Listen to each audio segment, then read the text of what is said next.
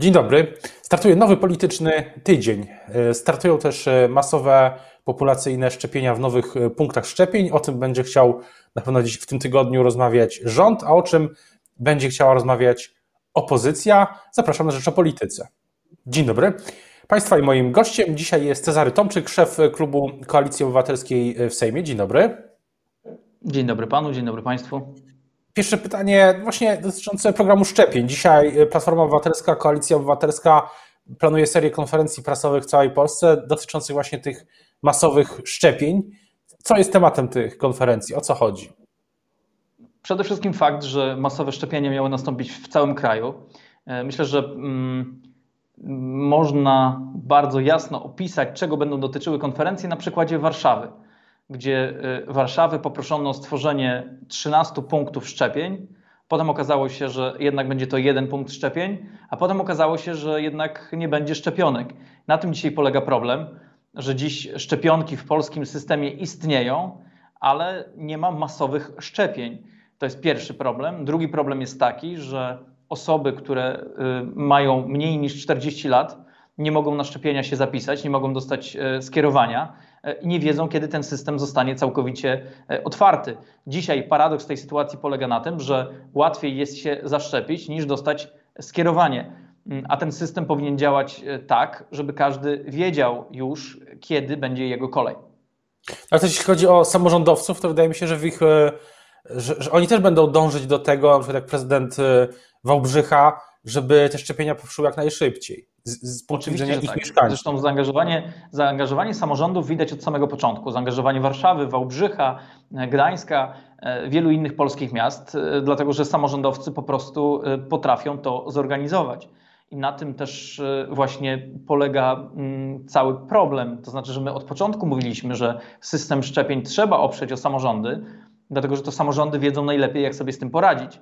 Im bardziej rząd będzie próbował ten system centralizować, tak jak teraz, im e, bardziej będzie starał się zrobić z tego jakąś pierowską sztuczkę, wysyłając premiera, który jeździ po punktach szczepień, tym gorzej dla samego procesu. Bo najważniejsze jest to, żeby Polacy się szczepili, mogli się szczepić i byli szczepieni jak najszybciej, a nie to, żeby rząd w tej sprawie odbudowywał sobie słupki poparcia. No właśnie, bo y, też y, rozmawiałem niedawno z Marcinem Dumą, szefem pracowni Ibris i on mówi, że te szczepionki dają Polakom nadzieję na to, że wrócą do poprzedniego stylu życia. Więc no ja, się, ja się nie dziwię, że rząd, że dzieje się to, o czym pan, pan mówi, szczerze mówiąc. Ale nie dziwi się pan temu, że szczepionki, które są w systemie, nie są wykorzystywane? No, przedstawiciele rządu twierdzą, że wszystko jest na bieżąco dystrybuowane. No, według informacji, które e, są jawne, każdy może do tego zajrzeć, od półtora do dwóch miliona szczepionek jest gdzieś w zatrzymaniu. To znaczy, że szczepić moglibyśmy znacznie więcej ludzi już teraz. To pierwsza sprawa. Druga sprawa jest taka, że mm, w związku z tym, że ten system jest ciągle zamknięty, to wtedy, jeżeli ktoś rezygnuje, to tak naprawdę przychodnie dwoją się i troją, żeby tę lukę wypełnić. I jeżeli ten system jakkolwiek działa, to nie dzięki rządowi, tylko dzięki setkom przychodni e, w całej Polsce. Dzisiaj powinno się e, zrobić wszystko, żeby ten system był otwarty, żeby każdy mógł dostać skierowanie i każdy chociaż e, teoretycznie wiedział, kiedy jest jego kolej. Dzisiaj takiej pewności nikt nie ma, a skierowanie jest niemożliwe do uzyskania. Już nie wspomnę no to... o tej wpadce ze szczepionkami, nie wspomnę też o tym, e, że rząd wtedy, kiedy mógł, nie zamówił prawie 13 milionów szczepionek od firmy Pfizer i Moderna. To co do współpracy rządu z samorządami, z opozycją, to, to ona się, pytanie o tę współpracę jest też na innym polu, czyli Funduszu Odbudowy, Europejskiego Funduszu Odbudowy i Krajowego Planu Odbudowy, ogólnie środków unijnych. Czy, czy, czy oczekuje Pan no właśnie jakiegoś ruchu ze strony rządu teraz, jeśli chodzi o ten Fundusz Odbudowy? Y, czy rząd w tej sprawie ma większość, według Pana? No to się okaże przy głosowaniu. No właśnie, czyli rząd nie jest przekonany, przynajmniej tyle można powiedzieć, e, czy ma większość. Więc jeżeli rząd nie jest przekonany, czy ma większość, to powinien zrobić wszystko, żeby tę większość sobie zabezpieczyć. Nie może liczyć w tej chwili na e, Solidarną Polskę, w związku z tym powinien usiąść do stołu po to, żeby wypracować najlepsze warunki, na jakich te pieniądze do Polski trafią.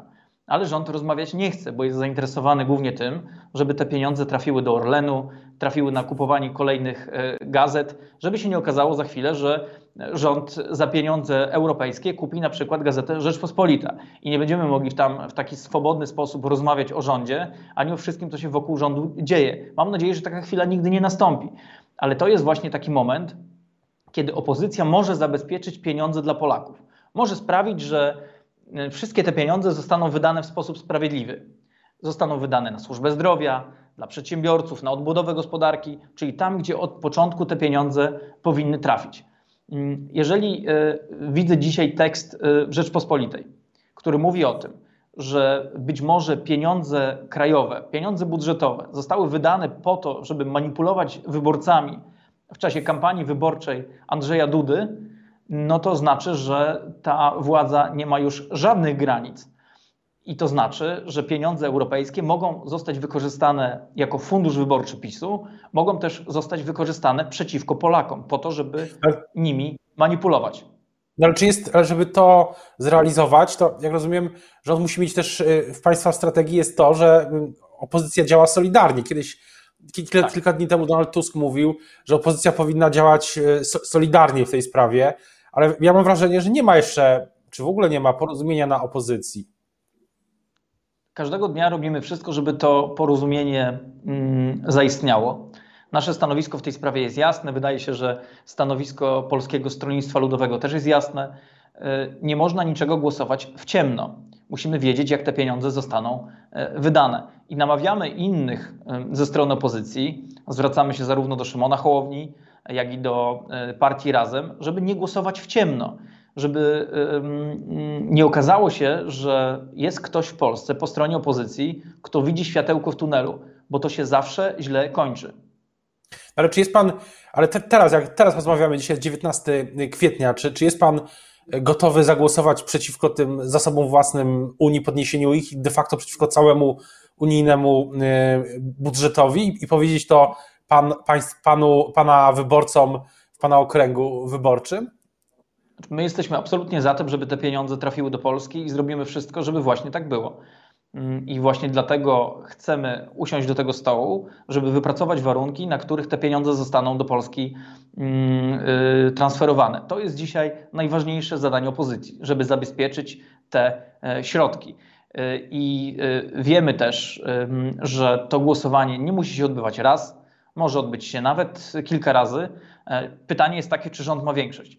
Zna pan się na polityce, jest pan dziennikarzem politycznym od wielu lat i wie pan doskonale, że najważniejszą y, funkcją rządu, jeżeli chodzi o takie bieżące rządzenie, jest to, żeby zabezpieczyć sobie większość w parlamencie.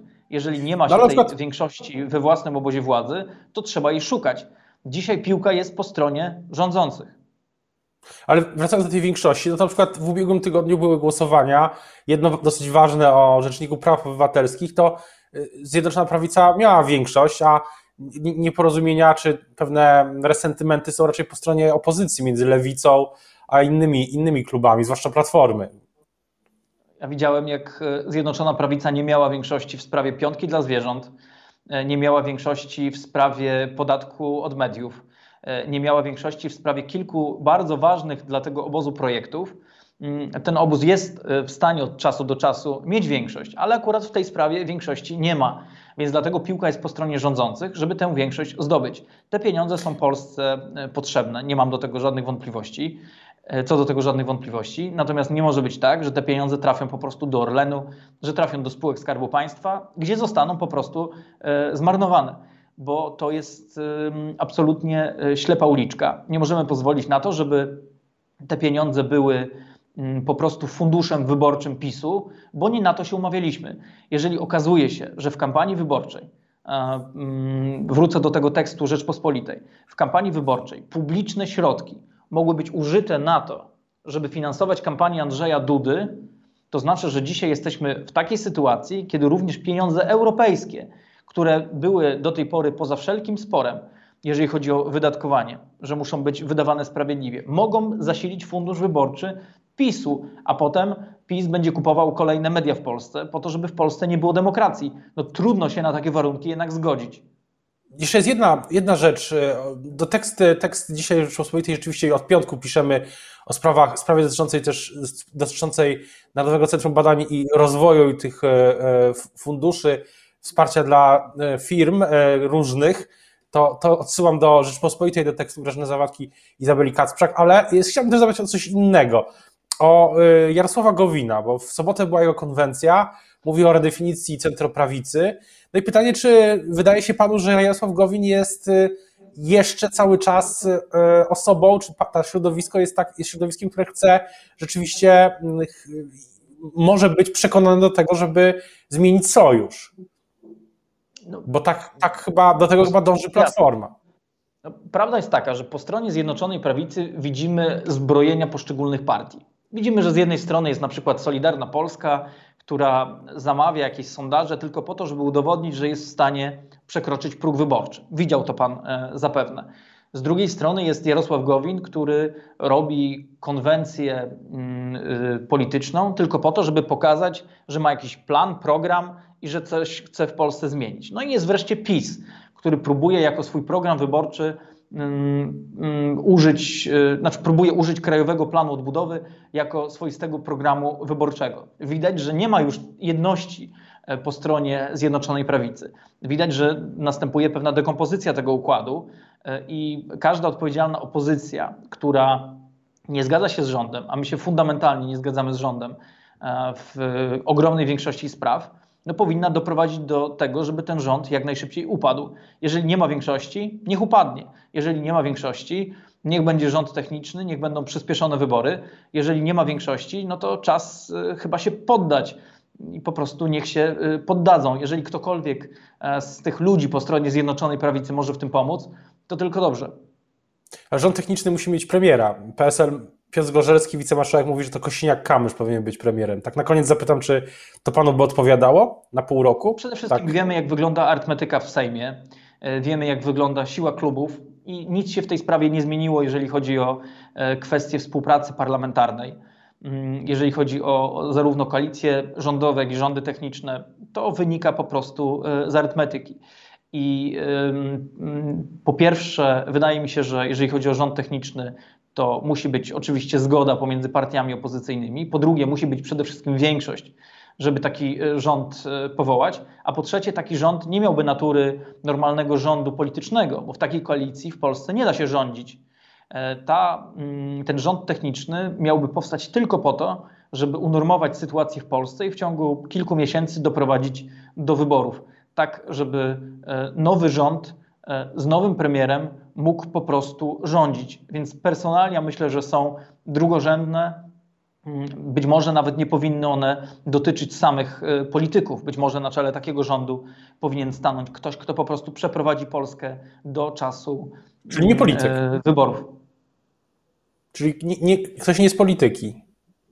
No, jest to jeden z wariantów, ale pamiętajmy, że wtedy, kiedy taka możliwość się pojawia, wszyscy siadamy do stołu.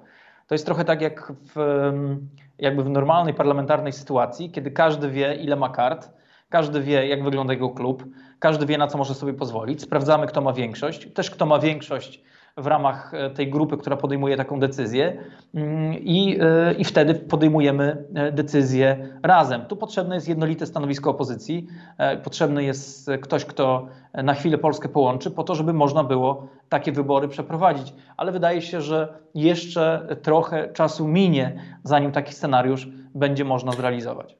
O, tym, o takim scenariuszu i nie tylko o tym, co dzieje się wokół Narodowego Programu Szczepień, będziemy wielokrotnie na pewno jeszcze mówić. Teraz już bardzo dziękuję za rozmowę Państwa i moim gościem dzisiaj był Cezary Tomczyk, szef klubu Koalicji Obywatelskiej w Sejmie. Dziękuję bardzo. Bardzo dziękuję i serdecznie pozdrawiam. Miłego dnia. Dziękuję, dużo zdrowia.